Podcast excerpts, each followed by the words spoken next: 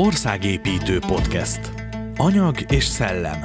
A magyar szerves építészet hangja. Kezdjük onnan a beszélgetést, hogy 2015-ig menjünk vissza az időben. 2015-ben én a miniszterelnökségen dolgoztam, mint örökségfédelemért felelős államtitkár. Latoczi államtitkár úr akkor pedig ugyanott, mint helyettes államtitkár, és akkor a miniszterelnökség azt a feladatot kapta a kormánytól, hogy a Makovec örökséggel kapcsolatosan valami munkát kezdjen el, és államtitkár úr, akkor még helyettes államtitkár úr irányításával elkészült az az előterjesztés, amelynek az eredménye a 2022 per 2015-ös kormányhatározat lett Makovec Imre életművének gondozásáról. Ez a kormányhatározat, bár én az előkészítésében nem vettem részt, elővetítette azt, hogy a Makovec Imre életmű legfontosabb darabjait műemléki védettséggel kell megőrizni a jövő számára, és hát innentől fogva már nekem is volt hozzá közöm, de mindezt csak azért mesélem el, mert a kormányhatározat megjelenése után a parlamenti folyosón összefutottam miniszterelnök úrral, aki a következőket mondta nekem. Lacikám, tudom, tud, valahogy szóba került Makovac, és tudom, hogy ott van nálatok a Verencei így a Verencei partján élek, ott van nálatok a cápa étterem. Mindent levédessetek nekem, de a cápa éttermet azt nem. És mondtam neki, hogy de mert azt kell tudni, hogy a Verencei cápa étterem az egy modern vasbeton épület, Makovec Imre első megvalósult épülete, amiben én megmondom őszintén, főleg, hogy az édesanyám az Áfésznél dolgozott, és az Áfésznak az étterme volt ott.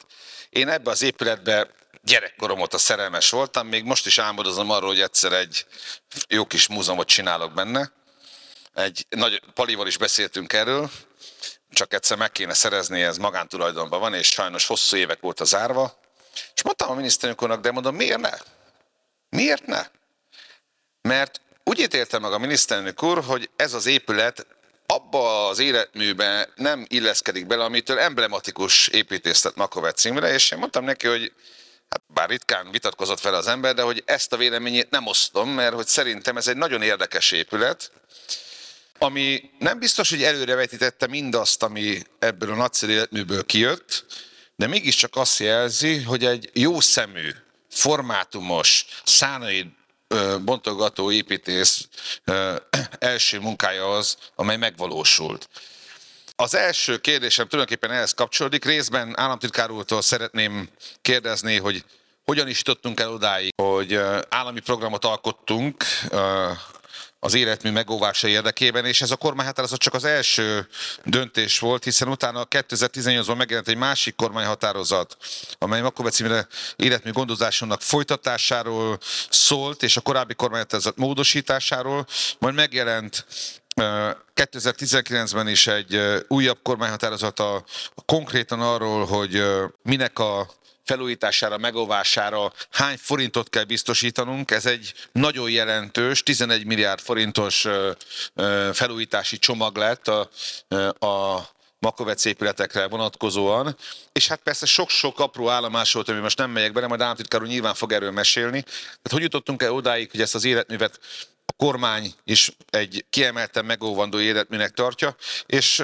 Attilától és Paritól is kérdezem, hogy, hogy ez, az ép, ez az életmű a magyar építészet történetében milyen szerepet foglal el, és hogy ez az ív, amely tulajdonképpen a Velencei cápa étteremtől, mert mégiscsak minden út Rómában meg a Velencei tóhoz vezet, tehát a Velencei cápa étteremtől a még megvalósulásra váló épületekig, hiszen van olyan terv is, hogy még megvalósuljanak bizonyos papíron maradt épületek. Tehát ez a hatalmas ív, amely, amely egy fantasztikus életművet hozott, vagy hagyott itt számunkra. Tehát ez hogy, hol helyezhető el a magyar építészet történetében, és hogy a cápa étterem és a későbbi épületek között milyen kapcsolódást tudunk találni. Köszönöm szépen, akkor én nagy tisztelettel köszöntök mindenkit. Kezdeném én, mert nagyon egyszerű választ adnom, hogy hogy jutottunk odáig, hogy a kormány határozatot fogadott el arról, hogy Makovec Imre életművét gondozni szükséges, mi több ez magyar állami feladat. Erre szerintem nagyon egyszerű a válasz, azért, mert Makovec Imre egy korszakos zseni. Még, még az építészetben ellenfelei is elismerik azt, hogy egy korszakos zseni és ebben konszenzus volt a kormányban, konszenzus volt és van a kormányban, de tovább megyek, konszenzus van az egész magyar társadalomban, hogy a 20. század végi és a 21. század elejé magyar építészet legmeghatározóbb iskolateremtő személyisége. És azért azt úgy hozzátenném, hogy véleményem szerint az ő életműve nem zárult le, mert az ő életművét viszik tovább annak az iskolának a tagjai, a tanítványai, annak az iskolának a tanítványai, amit, amit Makovec Imre alapított, és viszik tovább most már a második generáció is. Tehát Makovec Imre életműve számomra olyan, mint az égigérő passzúj. Elindult, elkezdett burjánzani, és hiszem azt, hogy csak a csillagos ég tudja megállítani, vagy még az sem.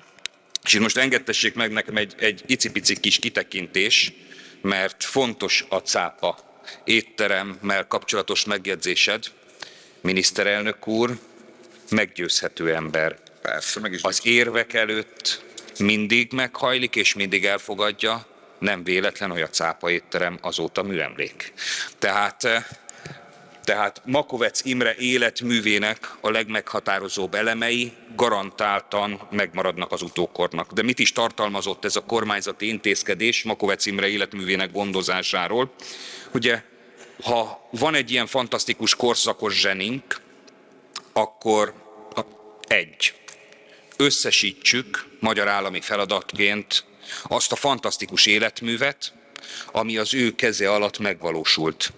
De ne csupán azt az életművet gyűjtsük össze, ami megvalósult abban a formában, hogy megépült, hanem gyűjtsük össze a meg nem valósult terveket, és tekintsük át, hogy ezek közül a meg nem valósult tervek közül melyek azok, amelyek megvalósíthatóvá válnak. Makovec Imre életműve ilyen módon is folytatódik, hiszen azt követően, hogy összegyűjtöttük Makovec Imre fantasztikus alkotásvilágát és a fantasztikus alkotásait és a terveit. Azt követően a már megvalósult épületekre vonatkozóan egy felújítási programot indítottuk el, indítottunk el, erre már több mint 10 milliárd forintot, most már több mint 11 milliárd forintot fordított Magyarország kormánya, és másik irányból pedig elindítottunk olyan építkezéseket, olyan beruházásokat, ami Makovec által megalkotott tervek felépítését jelentették, így épült föl Temesvárott a Magyar Központ, és így épült föl akár sorolhatnám, de így épült föl most legutóbb itt Budapesten egy református templom. És Makovec Imre életművét, hogyha összegyűjtöttük, akkor azt prezentáljuk. Prezentáljuk kiállítás formájában, és prezentáljuk katalógus formájában, illetve a korábbi kiállításokat is újra struktúrált formában tárjuk a világ nyilvánossága elé.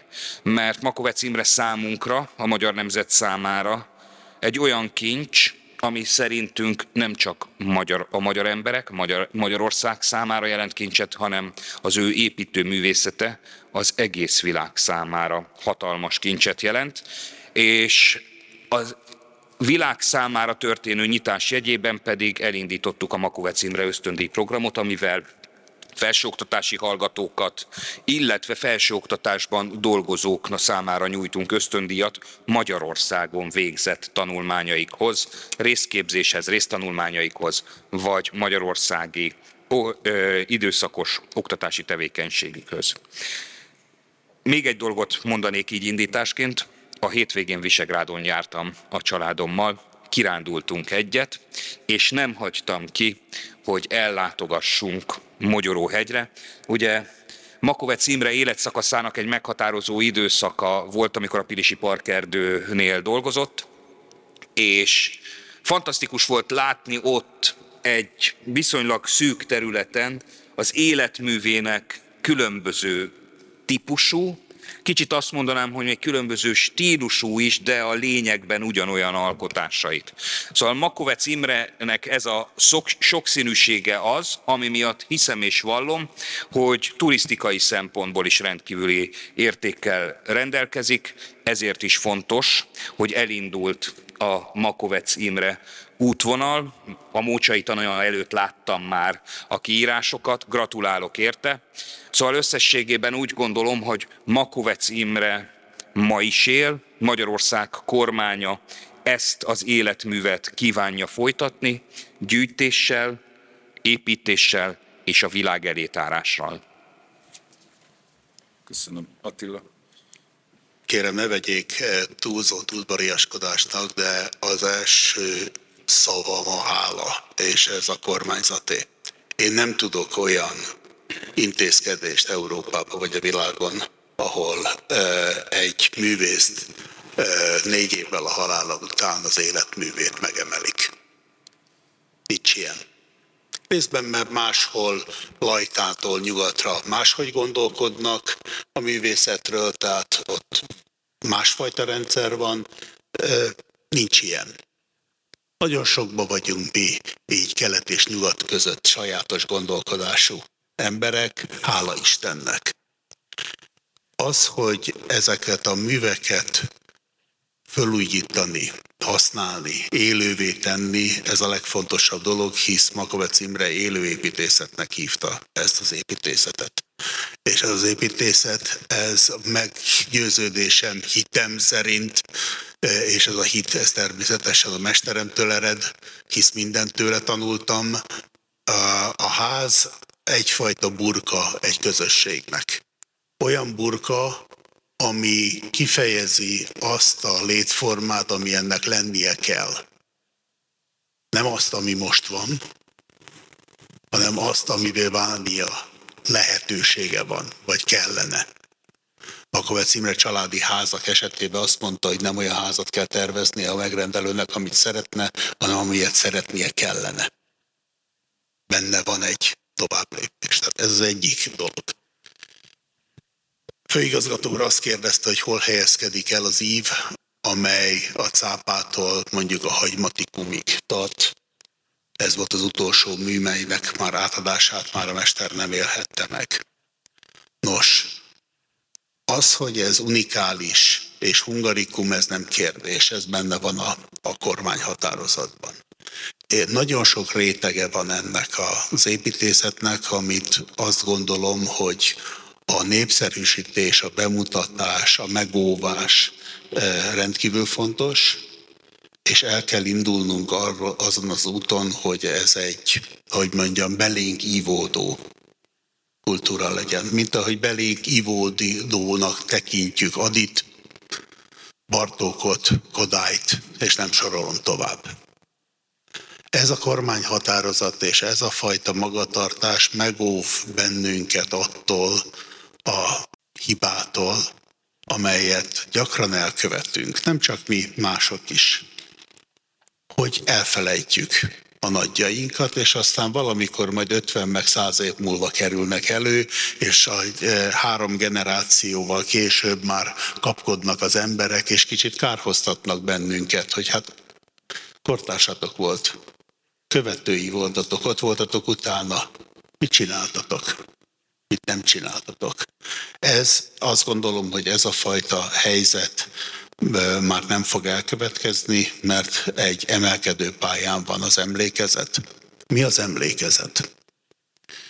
Nekem megadatott az a szerencse, hogy több mint 25 évig dolgozhattam szorosan Makovec Imrével, 1985-től kezdve, és az akkor épült szinte minden nagyobb épületében valamilyen módon részt tudtam venni. Először inasként, aztán ahogy kell, tovább. És egy pár szempontot hadd mondjak. Makovec Imre stílus teremtő építész. Egyszer egy nagy elméleti ember azt mondta, hogy az építészetnek a szövete azt egy nagy szőttestnek tekintjük, úgy működik, hogy vannak vezérszálak, és ezeket összekötő keresztszálak. Én még hozzáteszem, hogy ebből még csipkézve kiállnak a mesterművek. Ez a színes kultúrszövet. Ebbe Makovec Imre nem kérdés, hogy vezérszál. Nekünk ezt kéne kifejteni, Az én hitvallásom az, hogy abból a kerek történetből, életműből, amit a Mester létrehozott, én képességem egy keskeny kis szeletet tud befogni. Nem tudja az egészet. Makovec Imre mélysége olyan elképesztő, amit na, szóval nekem nem megy. De egy részét igen. Nekem az a dolgom, hogy ezt mélyítsem. Hogy kipróbáljam, hogy mi minden van még benne. Milyen Makovec Imre városi közegben, kevés városi közegbe épült háza van milyen Makovec Imre abba a mai korba, amelyben minden hőszigetelve van, minden technikával van tele, hogyan kell ebbe viselkedni, és hogyan kell gondolkodni. Azért, hogy a technika az életünkbe arra a helyre kerüljön, ahová való. Csak egy pici történet. 1992-ben a Szeviai világkiállításon harmadik Károly király meglátogatta a magyar pavilont, és egy rendkívül bensőséges hangú levélben köszönte meg Makovec Imrének ezt a pavilont. Azt mondta, hogy ez az épület a józan gondolkodás bástyája egy süllyedő világban amelyben úgy gondoljuk, hogy a technika majd megold mindent, ahelyett, hogy hasznos szolgánk lenne. Nos, sokat tudnék erről, de egyelőre hadd adjam át a szót Balinak. Köszönöm szépen. Nem tudom, mit tudok hozzátenni az elhangzottakhoz, de talán a, a legfontosabb ösztönös gondolatom az volt az elhangzottakkal kapcsolatban, hogy, hogy Makvec Imréről, ha úgy beszélgetünk, mint építész, akkor leszűkítjük az ő személyiségét, és azt a, azt a, azt a teret, amit ő az itt töltött, neki rendelt idő alatt betöltött. Ő sokkal több volt, mint építész.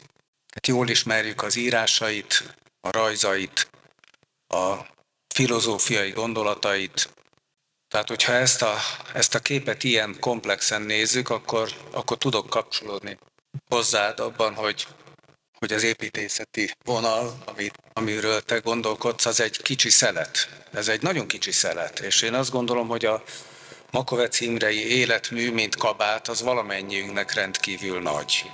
És nekünk, mint Makovec Imre Alapítványnak pont ez lenne a feladatunk, ami, amely kabátot mi is rendkívül nagynak érezzük, hogy hogy tudjuk ezt az életművet úgy megjeleníteni, hogy ez feldolgozható legyen, hogy továbbadható legyen, és hogy mint az égigérő passzúj, nem is az ég szab neki határt, ahogy államtitkár úr mondta, hanem hogy az ég befogadja, ahogy nő tovább, mert nagyon nehéz meghatározzuk azt, hogy, hogy, hogy mik is a leg, legfontosabb alkotó elemei annak, amit Makoveci életműnek tartunk.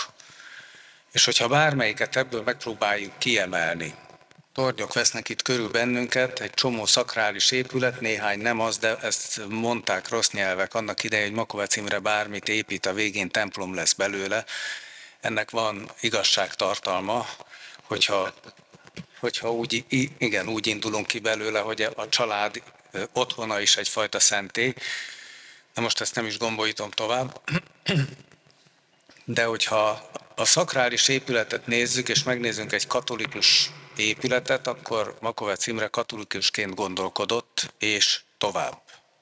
Ha megnézzünk egy református épületet, akkor reformátusként kezdett gondolkodni arról az épületről, és ment tovább és mindig kereste mindennek azt a mélyebb és a, a különbözőségeket áthidaló alapgondolatát, amit nekünk hordozni nagyon nehéz. Nagyon nehéz feldolgozni és megérteni. Ez nagyon nagy feladat.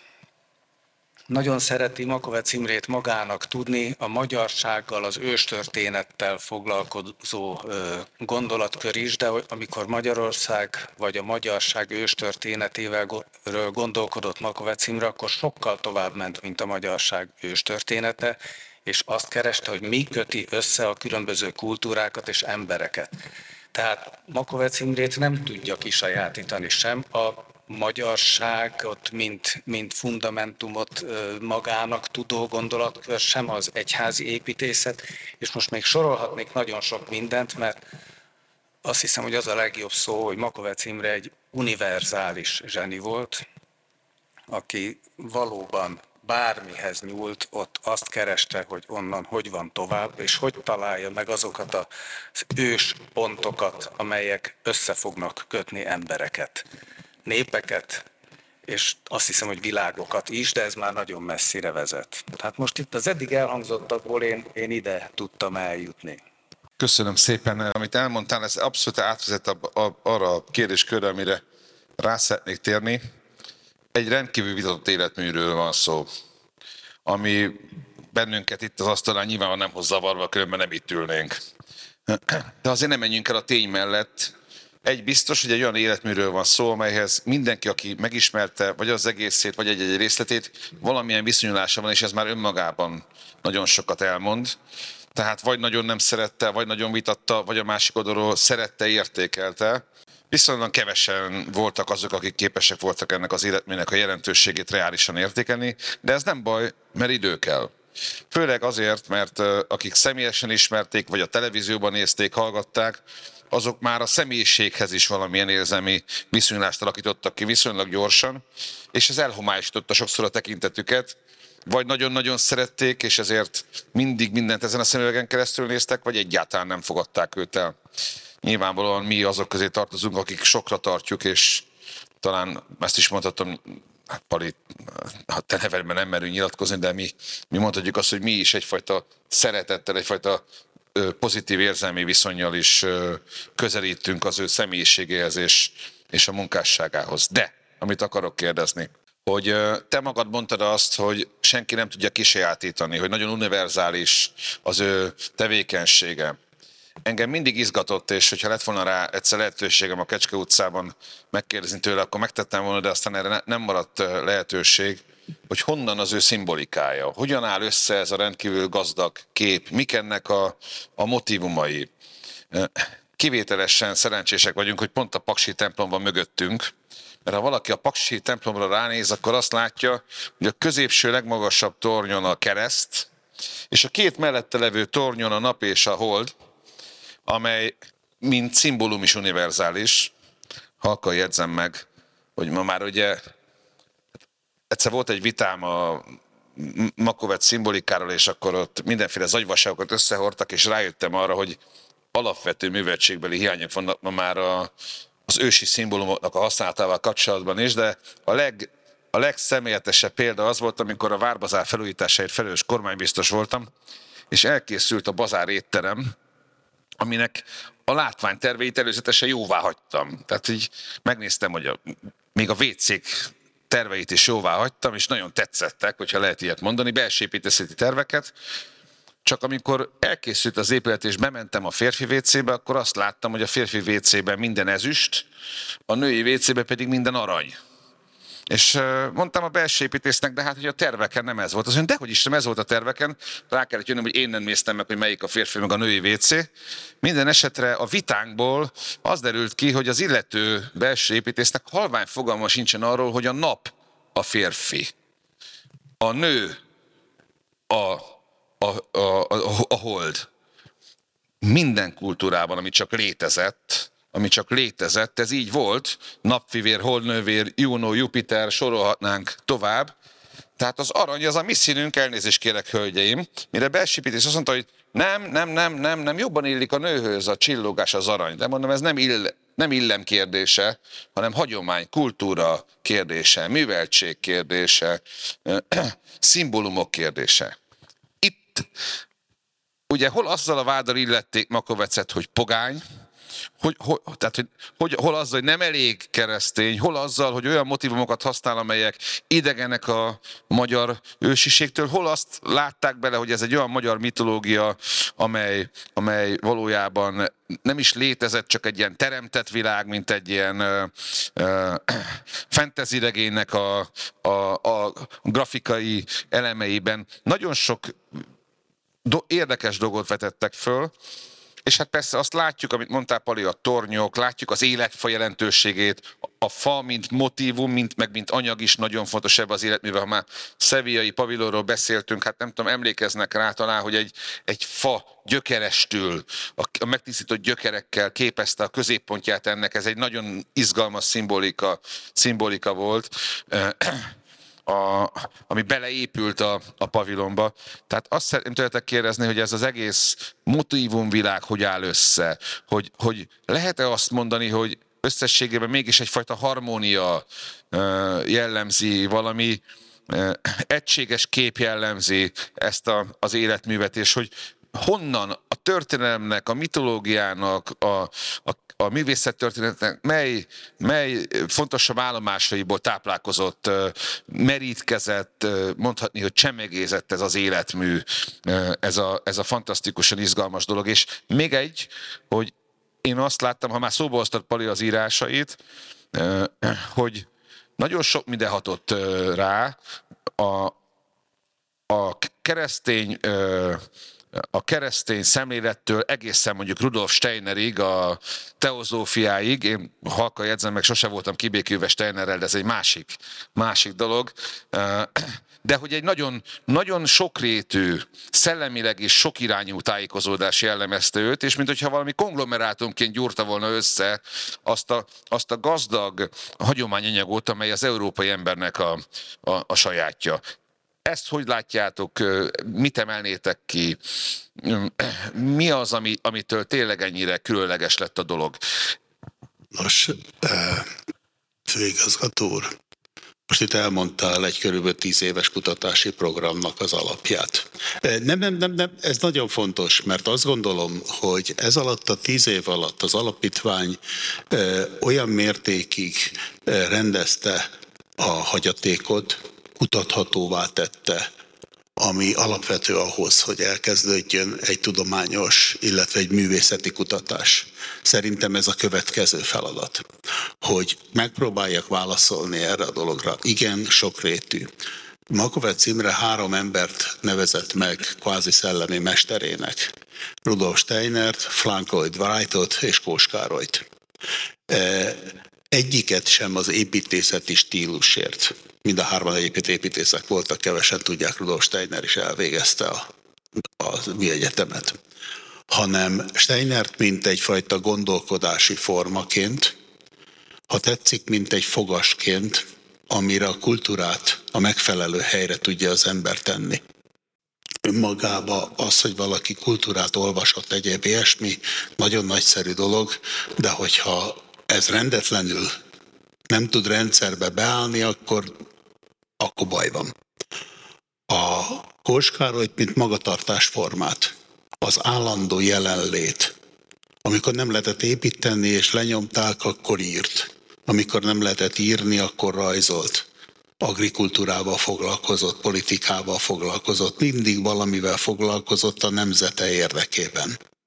És Wrightot e, tulajdonképpen maga az építészeti magatartásáért. Most ezekből a dolgokból, és biztos, hogy ebbe az antropozófia Steiner rendszerező ereje sokat jelentett, hisz a hátam mögött lévő mozgásforma kísérletek, amelyeket Sáros Lászlóval együtt és Gerle Jánossal együtt csinált, e, egy olyan dolog, aminek legalábbis én nem tudom a párját. Minden építészeti megújulás az előző koroknak valamilyen fajta vagy kritikájából, vagy megújításából táplálkozott.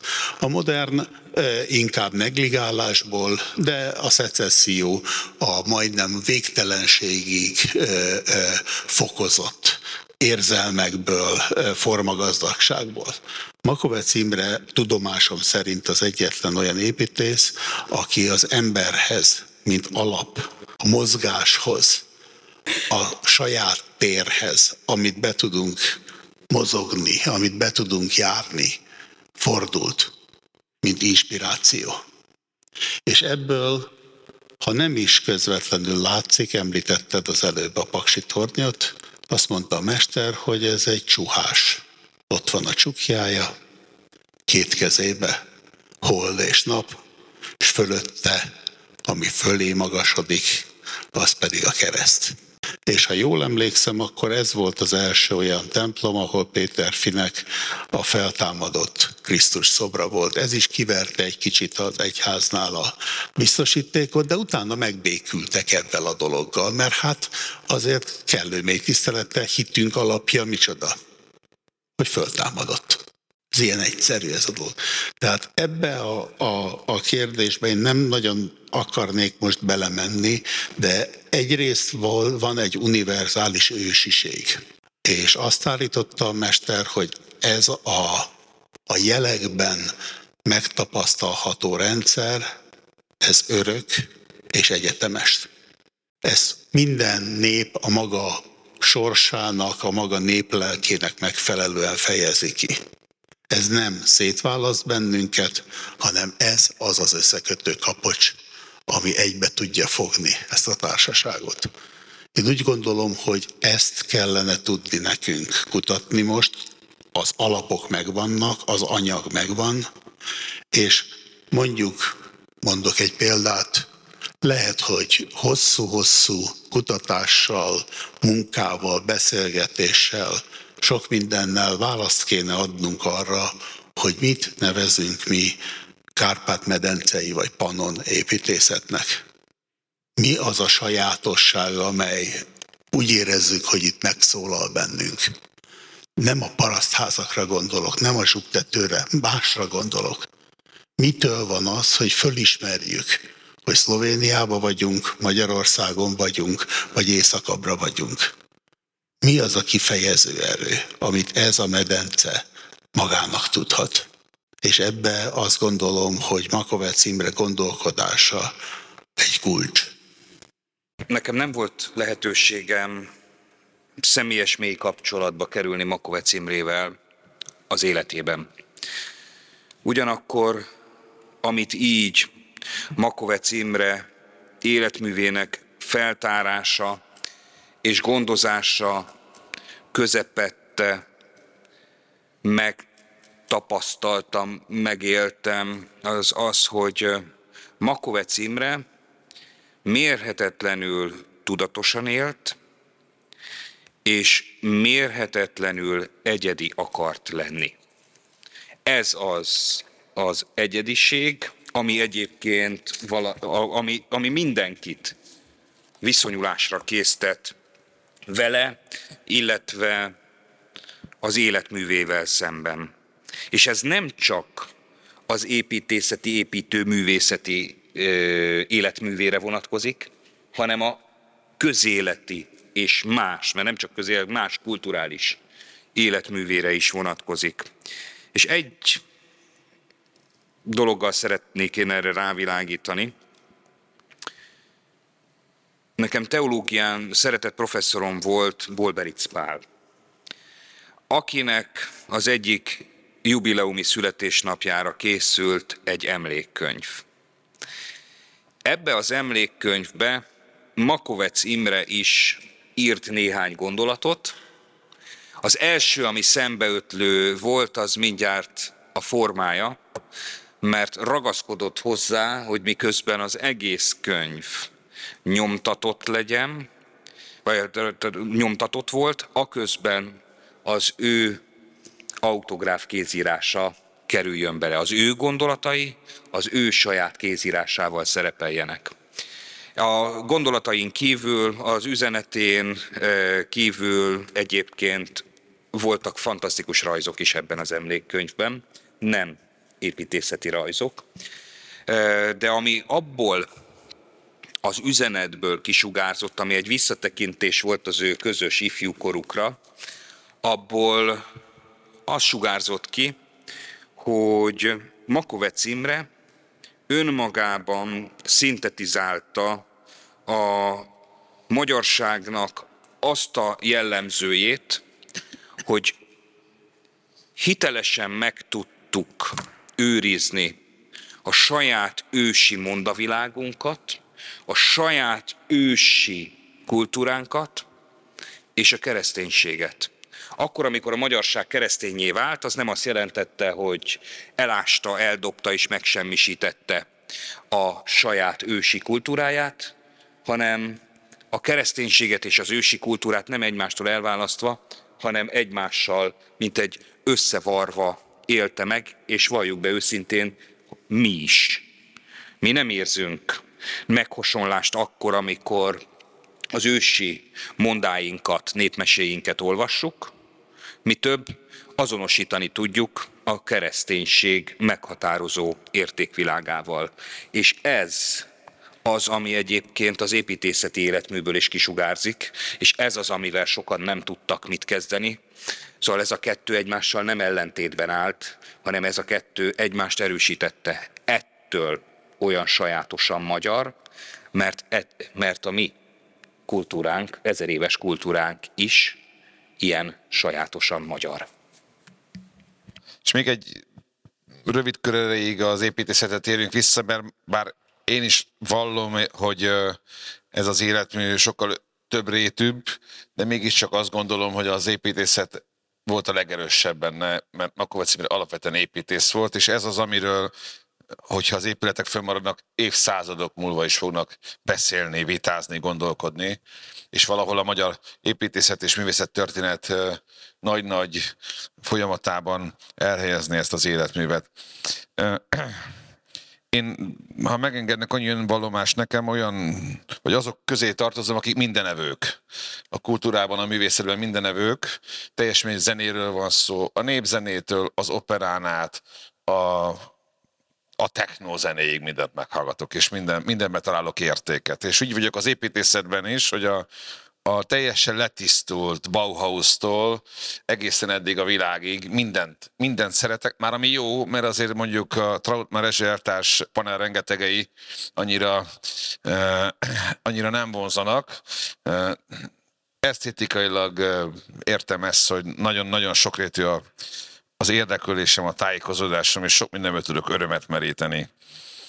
Ez az életmű, hogyha nézzük, tulajdonképpen két szempontból kapott, én úgy érzem, igazán támadást, és nézzük meg, hogy ennek mi, a, mi, mi az hogy van-e benne igazság, nem akarok én Attila erre válaszolni, tehát fölteszem a kérdést, és remélem, hogy megválaszolja.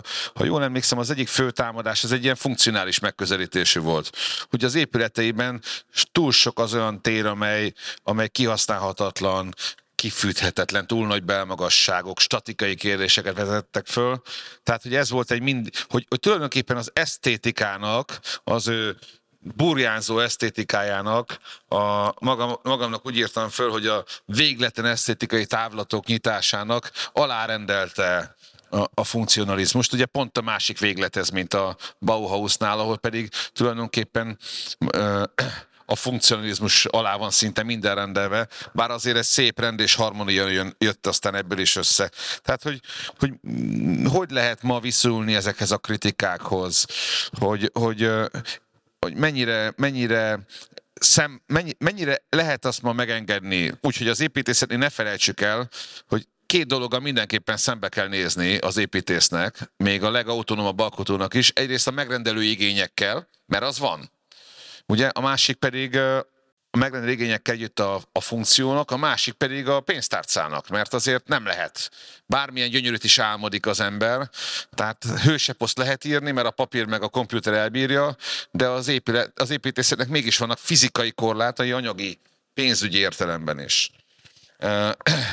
és vajon jól érzem -e az, hogy sok nagyszerű terv azért maradt egyelőre papíron, mert, mert a forrásigény pont, pont ö, sokkal több volt, mint a, ami, amit elő lehetett teremteni. Én nekem egy fontos élményem volt, amikor először voltam Szigetváron, egy kiállítást nyitottam meg 20 évvel ezelőtt, vagy nem tudom hány évvel ezelőtt a Szigetvári Művelődési Házban, amely egy emblematikus Makovec épület, és hát ugye azzal szembesültem, hogy nincs befejezve az épület. Nem volt pénz arra, hogy befejezzék, miközben ott van egy fantasztikus épület, egy óriási nagy lehetőség, a közben az anyagiak lámlám, erre hoz, hozom példaként, korlátot teremtettek. És rögtön hozzáteszem a másik kérdésemet is, szintén elsősorban Attilának címezve, hogy miközben nagyon szeretem a fát, mint anyagot, a közben van egy nagyon érdekes ellentmondás ebben az életműben, ami nem, nem, nem, nem negatívunként mondom, tehát nem, eb, nem abban az értelemben ellentmondás, hogy, hogy ne lenne rendkívül izgalmas és összetett az ő anyaghasználata, de hát rendkívüli módon szerette a fát, és alkalmazta a fát, és ugye az ellentmondás pedig az, hogy a mi európai kultúránkban rendkívül milyen benne van két dolog.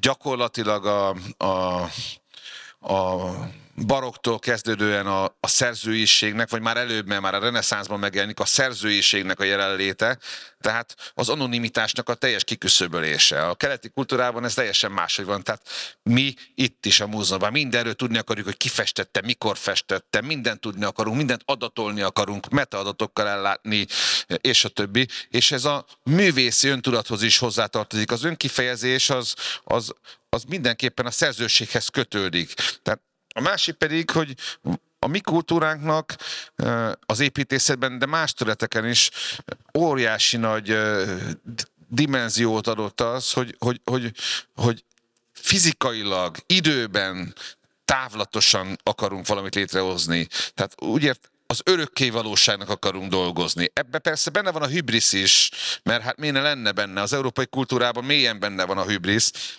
Hát, hogy olyan épületeket akarunk építeni, amelyek évszázadok múlva is a dicsőségünket zengik, vagy legalábbis a, a nevünket jelzik. Tehát még a, még a sírjaink is, olyan a sírköveink is, hogy, hogy úgy, úgy temetjük el az őseinket, hogy azt akarjuk, hogy a nevük azon a márványtáblán, márványba és érzbe, ugye vésve és öntve, az idők végezetéig őrizze az emlékünket. Na most a fa, mint anyag, itt van megint az ellentmondás. Nem biztos, hogy erre alkalmas. Legalábbis sokáig ezt gondoltam, még a sok száz éves erdélyi fatemplomok, amelyekkel rendszeresen kell a zsindelt cserélni, még azok sem tudtak meggyőzni engem a fa, mint anyag időtállóságáról. Míg nem, egyszer elmentem Nara városába, ez egy város Honshu szigetén, Japánban, és azzal szembesültem, hogy hát írdatlan sok száz éves ö, ö, szentélyek és, és jelképek nem tudom, tudják, is, biztos ismerik ezt a, ezt a várost, ez a Nara arról lett igazándiból híres, hogy az emberek között sétálnak a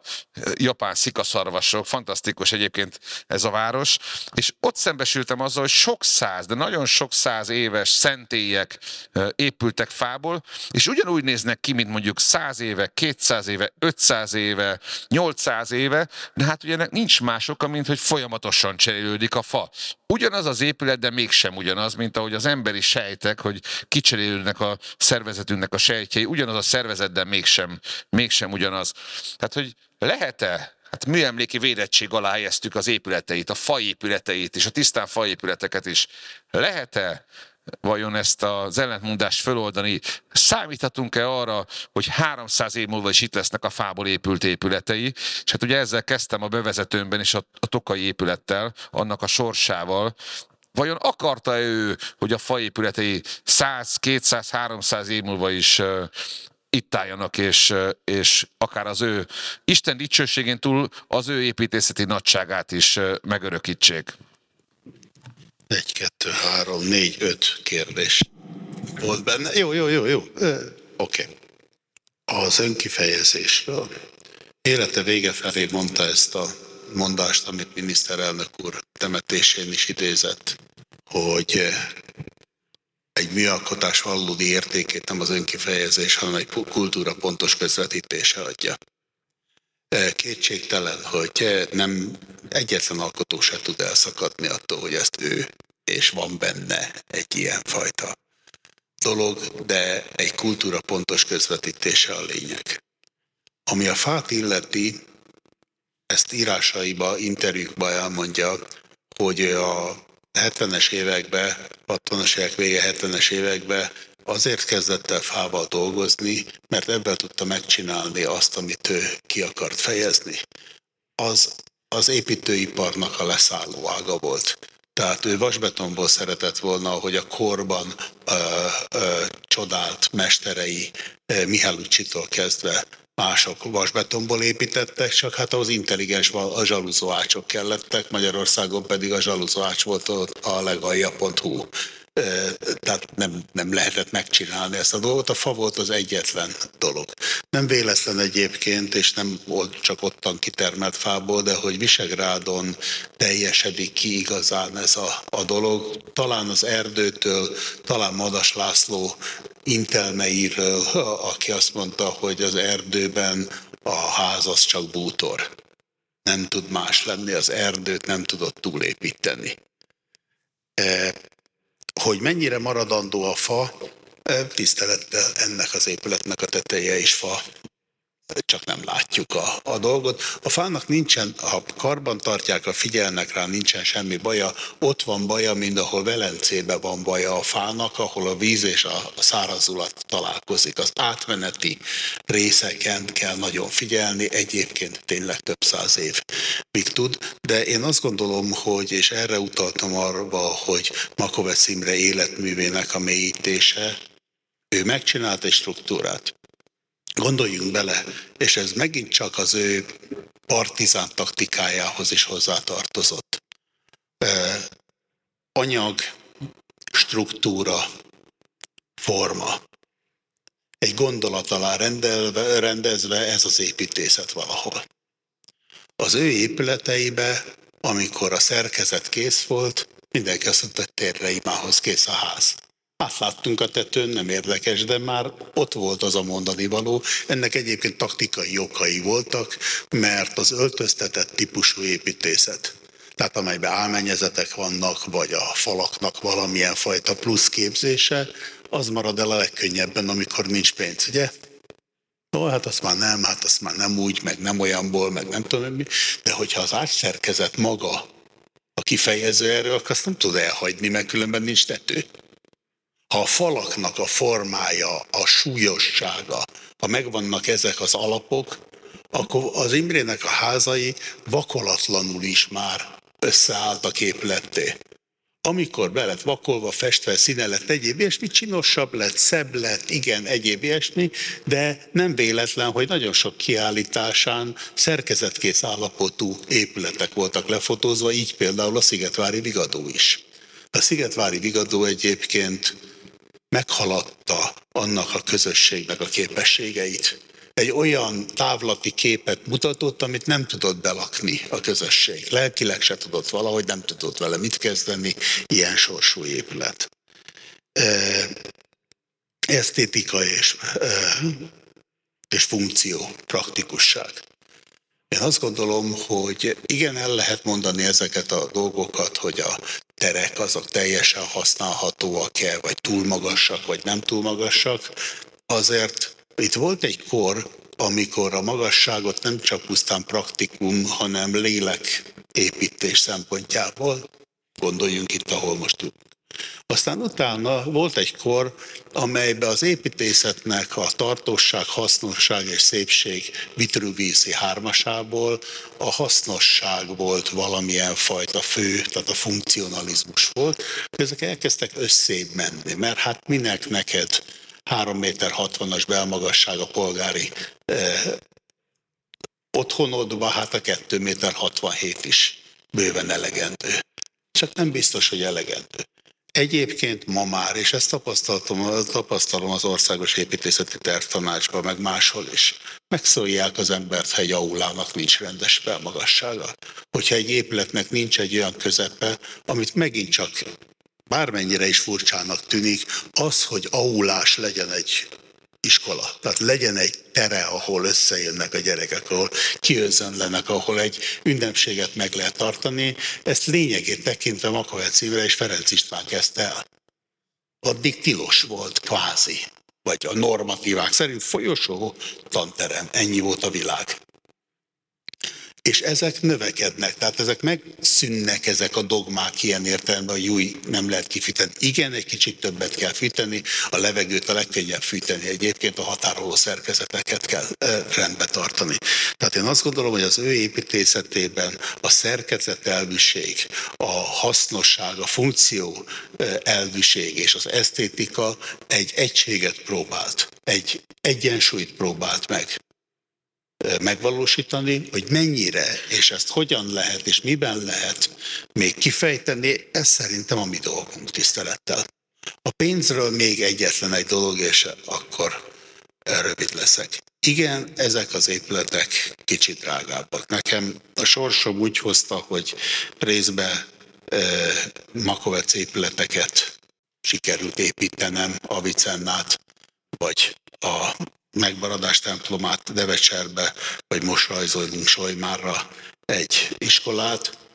E, és amikor a pénzről van szó, megyünk a kormányhoz. Akkor azért e, józan emberek, és itt elsősorban elnök urat mondom, nem nagyon hatódik meg attól, hogy ez mondjuk 10%-kal drágább, mert nem nagy a különbség. Viszont tartós. Mert hogy a legtartósabb anyag a szépség. Ami kifejez valamit, azt meghagyjuk. Ami nem fejez ki semmit, azt elbontjuk. Nem, a, nem úgy múlnak el az épületeink, hogy összedőlnek, és már olyan bocskák, hanem mi hagyjuk el őket lelkileg. És ez nagyon nem mindegy, hogy ez az elhagyás, mint ahogy mostanában tapasztaljuk, 40-50 év múlva, vagy 150-200 év múlva következik be. Gazdaságilag sem. Nagyon keveset akarok ezt hozzátenni, mert elmondott nagyjából mindent ebben a témában. Szól ez a mikrofon? Igen. Jó. Ö, igen, egyrészt egyetértek azzal, hogy ugye minimális az a bekerülési különbség, és azt hiszem, hogy ezt azzal lehet párhuzamba hozni, hogy, hogy meg lehet vonni egy család éves költségvetését karácsony és születésnapok nélkül, csak nem tudom, hogy érdemes-e. És ezzel a 10%-kal lehetne körülbelül bejebb kerülni, azt hiszem, egy család költségvetésébe, hogyha minden napból szürke hétköznapot csinálunk. És akkor szerintem mindenki gondolja meg, hogy érdemes-e. Ugyanis azok az épületek, amik egy 270-es belmagassággal és csupa praktikummal töltik ki az életünket, nem biztos, hogy alkalmasak arra a funkcióra, amit szintén te mondtál el, hogy egy családnak olyan teret biztosítson, ahova majd szeretne igazán belenőni lelkileg. Tehát én, én ezzel maximálisan egyetértek, ugyanakkor meg az, hogy ezek a terek hogy fűthetők ki, hát én nem tudom, hogy jártam-e ilyen komoly nagy irodaházba, amik, amik mostanában épülnek, ahol bemegy az ember, és ne olyan belmagasságú aulákat találna, hogy ugyanezt a kérdést föl lehet tenni. Sőt, azt, hogy egy ilyen, mondjuk itt pár lépése a Calvin téren lévő üvegpalotáknak a nyári hűtése, az vajon mennyibe kerül, nem tudom, hogy sokkal gazdaságosabbak-e azok a házak, mint egy makovec épület, aminek tisztességesen vastag falai vannak, amik megtartják a meleget is, meg a hűöst is oda bent. Szóval ez, ez azt hiszem, hogy nem, nem ilyen, ez a rossz indulat. És hogyha a kérdésedre az elején visszakanyarodok, hogy ezek a, ezek a dolgok bántották-e őt, a rossz indulat az az, hát, hogy is mondjam, tehát a rossz indulat és a tájékozatlanság együtt az volt a legrosszabb kombináció, amivel találkozhatott életébe, de ezekhez volt humorérzéke. Ezeken túl tudott lépni. Ami igazán mélyre szaladt benne, azt hiszem, az, az az nem ez a dolog volt, hanem az, hogy amikor, amikor a, az egyháza részéről érte őt támadás.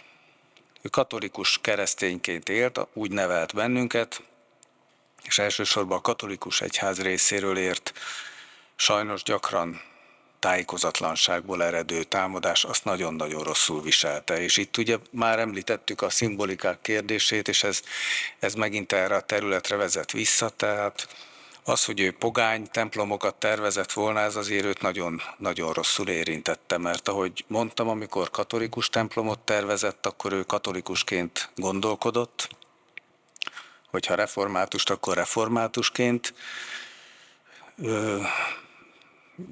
Sok temploma épült, zsinagógát is tervezett, és akkor ő úgy, úgy próbált gondolkodni, mindent annak vetett alá, hogy az az épület olyan legyen, amilyen a megbízó igényeit teljesíti, azt, hogy az ő univerzális gondolkodásánál sokkal szélesebb volt, Hát az volt egyszerre a keresztje és az áldás nekünk, mert ha nem lett volna ilyen, akkor, akkor nem ilyen kulisszák között ülnénk most itt.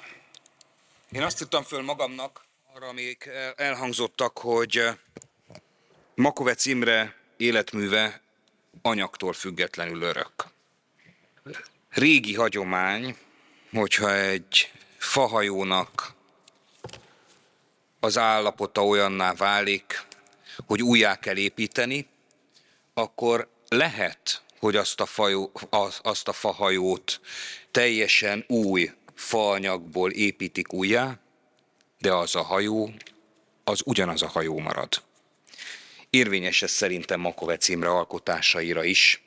Függetlenül attól, hogy a fa nem biztos, hogy a legtartósabb anyag, de attól, hogy a fát ki kell cserélni időről időre, attól az az alkotás ugyanaz. És Arisztotelészi Szent Tamási gondolkodást szeretném segítségül hívni. Szóval a dolgoknak van szubstanciájuk, azaz lényegük, és vannak akcidentális elemeik. A fa és az anyag Makovec Imrei életművében ilyen szempontból nem a lényeg, mert a lényeg az maga az alkotás, amit a mester a kezével megalkotott. Ilyen szempontból másodlagos az anyag. A mi feladatunk tehát azt, hogy az, ami egyébként anyagtól függetlenül örök, azt valóban tartsuk meg az örökségként, az örökkévaló időkre, mert ez viszont már csak rajtunk múlik.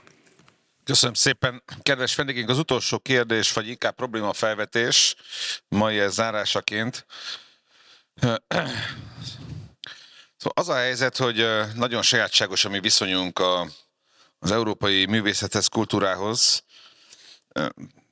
Hajlamos vagyok elhinni, hogy igaza van Adinak, aki azt írja az egyik nagyszerű versében, hogy mi mindig mindenről elkésünk, tehát, hogy valahogy nem tudunk és nem tudtunk szinkronban létezni a, az európai kultúrával, művészettel. Nem biztos, hogy ez igaz, de én néha hajlamos vagyok ezt elhinni. Néha hajlamos vagyok igazat adni Kassáknak, aki azt gondolta, hogy ők előőrsként éppen együtt lélegeznek, együtt dobban a szívük az európai avantgárd mozgalmak tagjaiéval, és akárhogyan is nézem, azt, azt azért mégiscsak valamiféle kicsit szomorú, fájdalmas tapasztalatként tudom leírni, hogy a mi legnagyszerűbb alkotóink is, akikről azt gondoljuk, hogy a világ legjobbjai között lehetnének, azok valahogy nincsenek bent a, az európai művészet, irodalom vagy építészet történetében hogy mond, példákat mondjak, én az irodalomból mondanám Madácsot, az ember tragédiáját. A, a képzőműszerből mondanám Csontvárit, és, és sok mindenkit lehetne mondani, és, és mi oly könnyen mondjuk rá valamelyik művészünkre, hogy világhírű, de aztán csak nálunk világhírű. Na most, ha van életmű, és inkább azért mondom, hogy problémát vetek föl, amire kérlek, hogy reagáljatok, ha van életmű, amely, amely érdemes arra, és alkalmas arra, hogy a világ legnagyobbjai között legyen számon tartva, azt szerintem pont a Makovec életmű, a magas, itt ma is tárgyal sajátosságai miatt. De ha van, ha van példa, amelyik azt mutatja, hogy ezt utólag nem lehet, ezt a munkát utólag nem lehet elvégezni, az éppen a csontvári életmű, amelynél azt látjuk, hogy amit, amit nem kanonizálnak a maga korában, az igazániból sose fog oda kerülni, ahova mi magunk helyeznénk. Arra a polcra nem fog oda kerülni. A, a művészet történetben nagyon-nagyon ritka, szinte csodaszámba megy az, hogyha valamit teljesen utólag fedeztek föl, főleg azóta, mióta módszeres művészet történet írás van.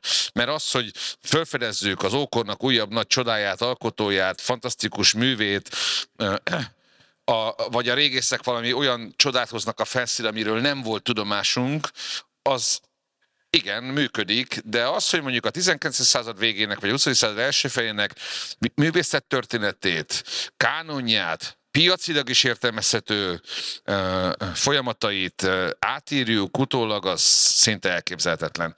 Tehát magyarul most van még esélyünk. Ha most nem tesszük meg, sosem fog sikerülni. Nagyon érdekes vitába kerültem egyszer bele, amikor Gulyás Gábor, a Micsarnok egykori igazgatója kiállítást akart Makovec Imréről szervezni, és Fekete György, a Művészeti Akadémia akkori vezetője ezt megtorpedózta, és azt gondolta, azt mondta, hogy az a kontextus, amit teremteni akart Gulyás Gábor Makovec köré, az méltatlan Makovechez. Én nem értettem egyet Fekete Györgyel, megmondom őszintén. Az a merészség és a mondjuk ilyen tátott szájjal való ikletett tisztelet, amit, amit elvárt volna Fekete György, tehát hogy a, e kettő között én inkább a bátorságot választottam volna, és azt mondtam volna, hogy próbáljuk meg egy nagyon izgalmas kontextusba helyezni a Makovec életművet, és mi magunk rakjuk be az európai építészet történetének kortás legnagyobbjai sorába. Nem tudom, hogy igazam volt-e, nem tudom, hogy igaza volt-e Gulyás Gábornak. Lehet, hogy Fekete Györgynek volt igaza, hogy nem volt jó Gulyás Gábori koncepció. Csak arra szeretném fölhívni a figyelmet, hogy és arra hívom az alapítvány elnökét föl, a Művészeti Akadémia alelnökét föl, és a kormány jelenlevő képviselőjét föl, hogy, hogy hogy egy olyan lehetőségünk van, amit ha most nem fogunk néhány éven, évtizeden belül megragadni, ha mi magunk nem helyezzük el abba a kontextusban Makóbe címét, ahova szerintünk való, unokáink és dédunokáink úgy fognak vele járni, mint ahogy mi jártunk Csontfárival, és még sok mindenki más hozhatnék példaként a magyar művészet történetéből. Tehát munka van, feladat van, és, és szerintem ezt bátran kell megcsinálni, nem baj, hogyha ha, ha, ha ezt ilyen nagy áhítat nélkül tesszük meg. És egyébként ez egy harc is, mert bekerülni a kánonba az harc is. Valljuk be őszintén. És hogyha azt nézzük meg, hogy mondjuk hogyan lettek Jackson pollokokból világhírűek, amit az ember néha nem is ért, de mégiscsak azok, akkor, akkor azt kell látni, hogy ez igazándiból módszeres munka a háttérben, mondjuk a pollok esetében még a CIA is benne volt, de ebben most nem megyek bele. Szóval mi erről a véleményetek? Van-e erre esélyünk? Egyáltalán nem túlzolja az én ítéletem, és hogy, hogy mit tudunk a mi szerény eszközeinkkel tenni, erre még röviden reagáljatok az ez zárásaként, és tulajdonképpen ezzel azt a dimenziót is ki akartam nyitni, hogy részben feladat is van előttünk, részben pedig azt a dimenziót kinyitva, hogy hát az életmű az valószínűleg sokkal többet ér meg még annál is, mint ahol, amit most mi egyelőre uh, tudunk, vagy uh, tudunk róla, vagy ahogyan értékeljük. Hát a szabad, akkor most válaszok először én. Igen, a, van feladat van feladat bőven. Talán azt is mondhatom, hogy meghaladja az erőnket, pedig, pedig nem ugrottunk el előle. Maga a kormányhatározat is egyetértek Attilával, ez egy, ez egy példátlan dolog, és nagyon hálás vagyok érte. Úgyhogy közvetítheted, hogy nagyon komolyan vesszük ezt a feladatot. De rengeteg olyan feladat van egyébként a kormányhatározaton belül, ami le is köti az erőnket.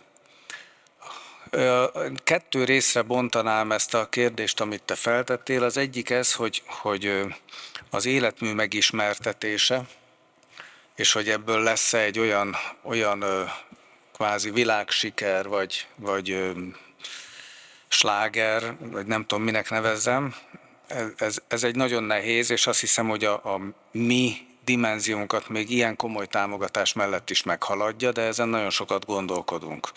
Ennél mi magunk sokkal nagyobb feladatnak tartjuk azt a szellemi közvetítést, ami, ami, ami abban állna, hogy ebből ne egy múzeumi tárgy legyen, egy megcsodált jelenség, ami egyszer volt, hanem hogy minél többeknek át tudjuk adni hogy hogy tudjuk azt a, azt a gondolatot, azt a, azt a végtelenül összetett ö, ö, személyiséget, amiről ma már beszéltem, hogy tudjuk úgy maiként megjeleníteni, hogy ez, ez a következő nemzedékeknek is kéznél legyen, sőt természetes legyen. Csak azt tudom felidézni, amikor a Makovec ház elkészült, és volt egy ünnepélyes átadó, és ott az volt a tisztem, hogy valamilyen rövid beszédet mondjak, és készültem is valamiféle beszéddel.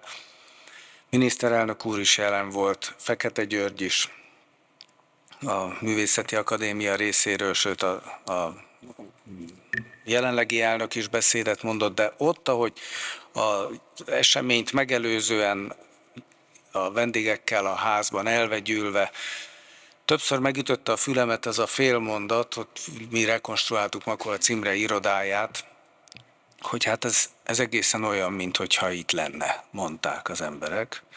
És ez engem nagyon szíven ütött, Úgyhogy amit én úgy fejbe készültem elmondani, azt összegyűrtem és fél, félredobtam, és mindössze néhány mondatot mondtam, hogy ha az a Makovec ház és az abban megjelenő tevékenységünk olyan lesz, mintha Makovec Imre ott lenne, akkor jobb, ha bele sem kezdünk. Ugyanis azt a munkát csak úgy érdemes csinálni, hogyha Makovec Imre ott van. És hogyha erre nem vagyunk képesek, akkor alkalmatlanak vagyunk erre a feladatra. És azért ez egy, ez egy nagyon embert próbáló feladat. Mert ahogy mondtam, a, ez a kabát ez nagy, ebbe legfeljebb, ezt a kabátot legfeljebb akkor tudjuk kitölteni, hogyha mindenki, akinek van gondolata ezzel kapcsolatban belebújik egyszerre. És megpróbáljuk összetenni azt, amink van, mert, mert egy ember ezt úgysem képes rekonstruálni és visszaadni. Tehát én, én ebben látom igazán a nagy feladatot. A jó sorsom úgy alakult, hogy mivel Makovec Imrének nem volt jogosítványa, kollégái szerint, hál' Istennek, mert lehet, hogy a közlekedésben is olyan egyedi megoldásai lettek volna, mint az építészetben, ezért nagyon sok előadásra vittem vidékre. És alkalmam volt megtapasztalni azt, hogy hogy beszél. Egyrészt ez a beszéd, ez nagyon sok rétű beszéd volt, alapvetően egy eh, képbeszéd volt. Képeket tudott előhívni az emberekből, és nagyon sok rétű volt. A szó fűzése is, a képek is, ennek a ritmusa, a vetítéssel, az álvópár zenével és mindennel együtt. És azt tapasztaltam, hogy volt, aki számára a történetek csak egyszerű, de kedves történetek voltak, példák, példák ilyen értelemben. Volt, aki számára képekbe jelent meg, és egy nagyon bensőséges hangulatot okozott és volt, aki számára intellektuális élményként is felfogható volt, mert a logikai rendszere és egyáltalán a filozófiája és a nagyon-nagyon nagy kitekintése és mélysége ragadta meg az embereket. De mindenki ugyanarról beszélt utána. Mindegy, milyen módon fogta meg ez a dolog. Nos, én úgy gondolom, hogy Makovec Imre munkásságát, azt, amit ő elindított, ezen a módon kell nekünk tovább értetnünk. Mik az épületei? Az első és elemi élmény általában az emberekbe az, hogy valamilyen fajta elegancia. Belépünk egy ilyen nagy térbe, csak egy picit, két centimétert emelkedik meg a fejünk. Egyenesebb lesz a gerincünk. Egy világképet érzékelünk magunk körül. Ez is volt a cél. Tehát van egy nagyon egyszerű és elemi szintje. És folytathatnám tovább a szinteket, kell lennie egy művészeti elemző tudományos szintjének is. Tehát én úgy gondolom, és egyetértek veled, most kell elkezdeni a munkát, és ebbe kevés a Magyar Művészeti Akadémia Kutatóintézete, kevés az alapítvány önmagába, hanem össze kell tudni fogni, és elkezdeni ezt a munkát. És van egy harmadik része, mert ebbe a mai világba élünk, amelyben minden kütyük, minden kép, minden, nem tudom én mi, ebbe a rendszerbe be kell helyeznünk. Tehát egy olyan gyűjteménykezelői rendszerbe kell tudni elhelyezni az ő művét, ami különböző szinteken kutathatóvá teszi, ami bárhol hozzáférhető, és kellene hozzá akármennyire is furcsa, olyan szakemberekkel kellene összefognunk, akik kommunikációhoz értenek. Én nem értek. nekem szól a fejem, oké, okay. de ez nem kommunikáció. Tehát ez profin kell tudni fölépíteni ezt a dolgot, hogy egyik oldalon ne a gics felé hajoljon el, a másik oldalon pedig ne egy izolált, pusztán tudományos, lezárt egységé, élővé kell tenni. Szerintem ez a feladatunk is tökéletesen egyetérthető veled. Egy évtized van arra körülbelül, hogy ezt rendesen megcsináljuk. Borzasztó egyszerű én is öregszem, én is el fogok menni. És azok az emberek, akik még tudnak közvetlen impulzusokról beszélni, hogy hogy volt ez, mik voltak a történetek, azok még páran itt vannak közöttünk. De elment Gerle, és elmentek sokan olyanok, akiket már nem tudunk bepótolni, Kampis Miklós, Kálmán István, sorolhatjuk a harcos társakat. Tehát ezt a munkát most azokon az alapokon, amelyet az alapítvány lehetővé tett és létrehozott, el kell kezdenünk. A feladat valóban egyszerű, sőt, sokkal egyszerűbb, mint gondolnánk. Attila elmondta a dolognak a technikai oldalát, és úgy gondolom, hogy kulturálisan, kulturpolitikai szempontból nem is kell sokat tennünk. Maga Makovec Imre tette meg ugyanis azt a szívességet nekünk, hogy a maga zseniével úgy kiemelkedett, és ahogy kezdtem is, a 20. század végi és 21. századi magyar építő művészetben, magyar építőművészek és építészek közül, hogy nyugodtan merem mondani, hogy gyakorlatilag 1980-tól kezdődően mind a mai napig, hogyha azt kérdezik, hogy mi Magyarországnak ez időben a legmeghatározóbb stílusa, akkor az a válasz, aki legalábbis ért valamelyest az, az építészethez, hogy a makoveci organikus stílus. Tehát igazából még az ellenfelei is elismerik, sőt részesei válnak Makovec Imre kulturális kanonizálásának, a magyar kulturális hagyományba történő beépítésének. Innentől kezdve pedig a feladat valóban technikai, hogy mi magunk tegyünk meg mindent annak érdekében, hogy úgy, ahogy ilyen helyzetekben illik, technikailag is legyünk készek, gyűjtsük össze azt a hagyatékot és makoveci hagyományt, amit utána az utódaink majd a mindenkori, mindenkori időszakoknak megfelelően újra és tovább gondolnak, és ezáltal tovább éltetik azt a hagyományt, amit a mester elindított, de a halálával ez a hagyomány nem szakadt, nem szakadhat meg. Nagyon szépen köszönöm a beszélgetésbe való részvételt Túri Attilának, Makovec és Latorcai Csabának. Azért azt mondom, hogy bár szép, amit elmondtál Csaba, de egyetlen egy kis példát hadd mondjak a végére. Tavasszal Los Angelesbe jártam, és amikor Los Angelesbe elmentem, akkor azt mondtam ott egy ott élő barátomnak, aki több helyre elvitt, hogy nem szeretnék úgy hazamenni Los Angelesből, hogy nem láttam azt a villát, amit Hundertwasser tervezett. Hundert Wasser, aki 1928-ban született, Makovec Imre 1935-ben, és nem Amerikában, nem valami hatalmas nagy nemzettagaként, hanem szomszédban, Ausztriában. Tehát nekünk valójában arra van szükségünk, hogy, és hogyha valaki Bécsbe megy, bárhonnan megy a világból, és kultúrember, művelt ember, művészet, az építészet iránt érdeklődik, akkor fontosnak tartja azt, hogy megnézze azt a szemétégetőt, amit Hundertwasser tervezett. Nekünk azt kell elérnünk, hogyha Budapestre érkezik egy amerikai, akkor tudja, hogy itt meg Makovecet kell megnéznie. És hidd el, Csaba, erre gondolok, hogy ebből a szempontból még nagy a munka. Nagyon nagy a munka, mert egyébként az a dimenzió, ami benne van Hundertwasserban, az bőven benne van Makovecben is. És mi magyarok ebbe vagyunk rettenetesen gyengék, hogy elnézést, hogy egy mai divatos kifejezést használjak, hogy nem hype fel azt sem, akit föl lehetne. Nem, ahogyan a marketingben mondják, nem csináljuk meg a magunk sztárjait.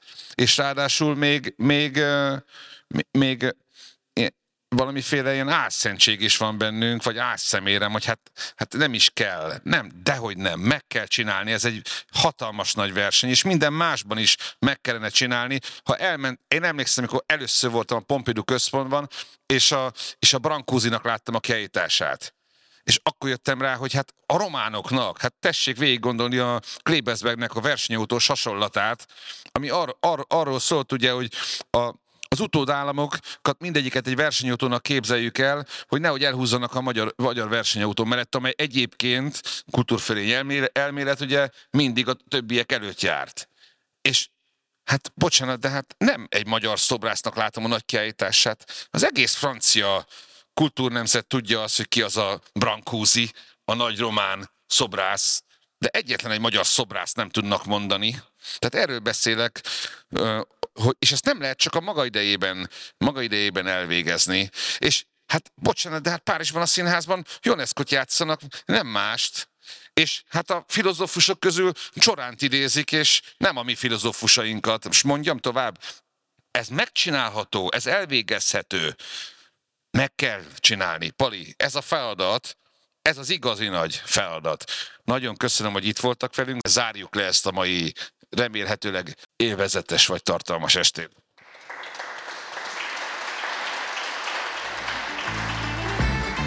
További tartalmakért látogasson el az országépítő.net weboldalra. Országépítő Podcast. Anyag és szellem. A magyar szerves építészet hangja.